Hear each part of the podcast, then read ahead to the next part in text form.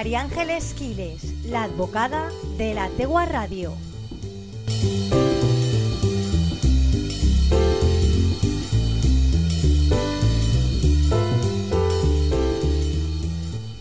Hola Elia, buenas tardes a ti y a todos los que nos escucháis. Es viernes, toca hablar de derecho. Y bueno, como intentamos siempre que sea de rigurosa actualidad y todavía consternados con la noticia de, las niñas de Tenerife, vamos a hablar de lo que son los crímenes vicarios.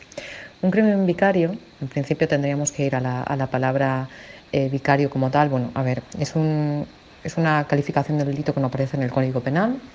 es la concatenación de, otros delitos que sí que aparecen, como el de homicidio o asesinato, en este caso serían asesinatos, eh, agravados por el parentesco, en el caso de que fuera un padre o una madre respecto de sus hijos, pero bueno, centrarnos en que los crímenes vicarios no solamente son respecto de menores, ¿vale? La,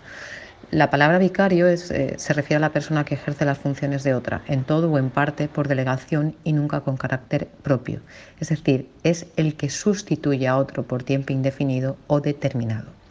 Aunque actualmente su uso está meramente relacionado con el, eh, con el tema eclesiástico, sí que es cierto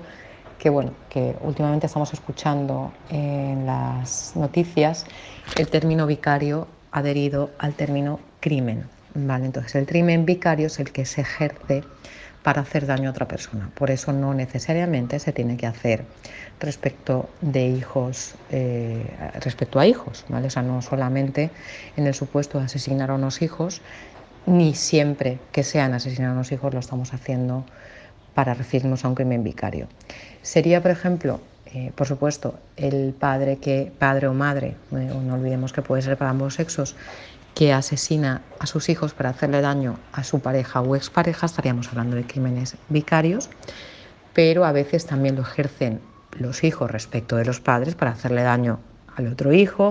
en este caso, lo importante sería que se produce el hecho delictivo sobre una persona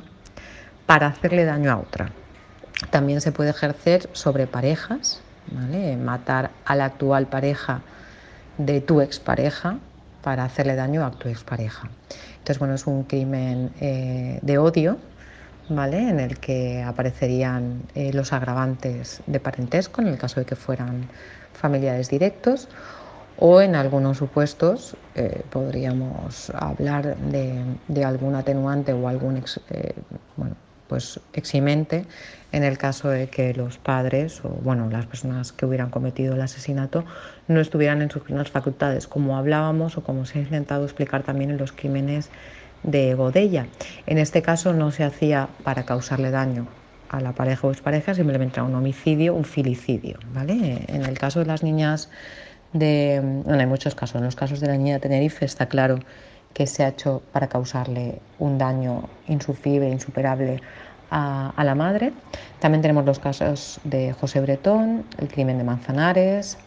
eh, el crimen de Vladimir, ese señor que arrojó también a su bebé, que se tiró con su bebé eh, por el balcón del hospital cuando le decía a su mujer te voy a dar donde más te duele, los crímenes de Castellón, el cartagenero, bueno, hay un elenco, eh, desgraciadamente, de crímenes vicarios respecto de padres o madres a sus hijos, como también el último que conocíamos, creo recordar, de Barcelona, era niña de cuatro años. Y bueno, pues decir que, estos crímenes lo que buscan es perjudicar o hacer un daño insufrible a, la persona, eh, es, decir, no actúan sobre la persona en concreto, sobre la víctima en concreto, sino que utilizan otros medios para llegar al dolor de la víctima. Lo habitual sería matar, bueno, lo habitual, vamos a ver, no, no es habitual, pero bueno, lo lógico sería que esa persona quisiera vengar, vengarse de esa persona asesinando a esa persona, pero estas personas desequilibradas lo que planean es un crimen mucho más atroz porque lo que consiguen es ejercer una situación, eh, matar en vida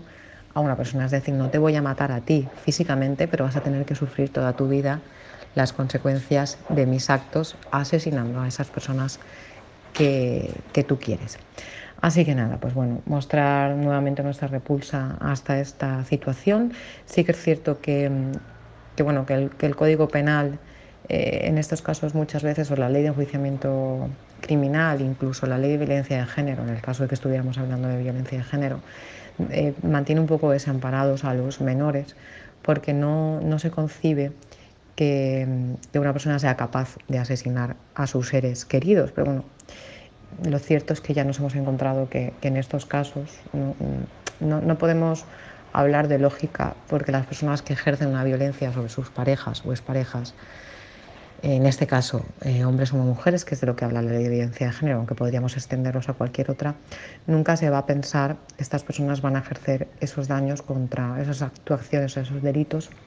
sobre sus hijos. Pero bueno, lo cierto es que estas personas normalmente tienen unos perfiles psicológicos muy complejos y no están exentos de poder hacer daño a los menores. Hay una reforma de la, de la ley eh, que lo que pretende es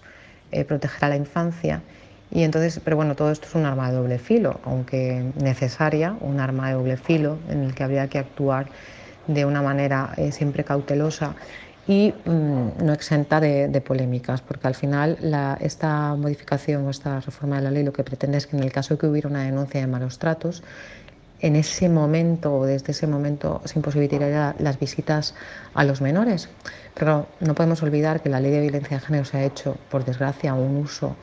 eh, desproporcionado y malo, porque hay gente que la ha, utilizado pues, para conseguir otros fines, cuando realmente no habían sido eh, mujeres, en este caso, agredidas, quizá pues, eh, en un momento de debilidad o, mal asesoradas, se han, bueno, se han conculcado los derechos de, sus parejas o es parejas masculinas y entonces bueno pues se ha, se ha, convertido en una especie de doble cara, una cara y cruz que lo que hace es que pues, cada vez sea más difícil determinar cómo actuar en estos casos. Pero bueno, sí que es cierto que todos estamos de acuerdo en que las medidas de prevención eh, deben de, funcionar para evitar pues, estas, estos crímenes eh, sin sentido en el que el que te protege o el que tiene que protegerse, se, protegerte tiene, se convierte en tu verdugo, ¿no? que al final es lo que le ha pasado a estas niñas. Aquel señor que tenía que protegerlas fue el que acabó con su vida. Pues bueno, dicho esto, vamos a ver cómo avanzan las cuestiones referentes a, esta ley de, protección de la infancia y os iremos contando. Un saludo y nos escuchamos el próximo viernes. María Ángeles Quiles, la advocada de la Tegua Radio.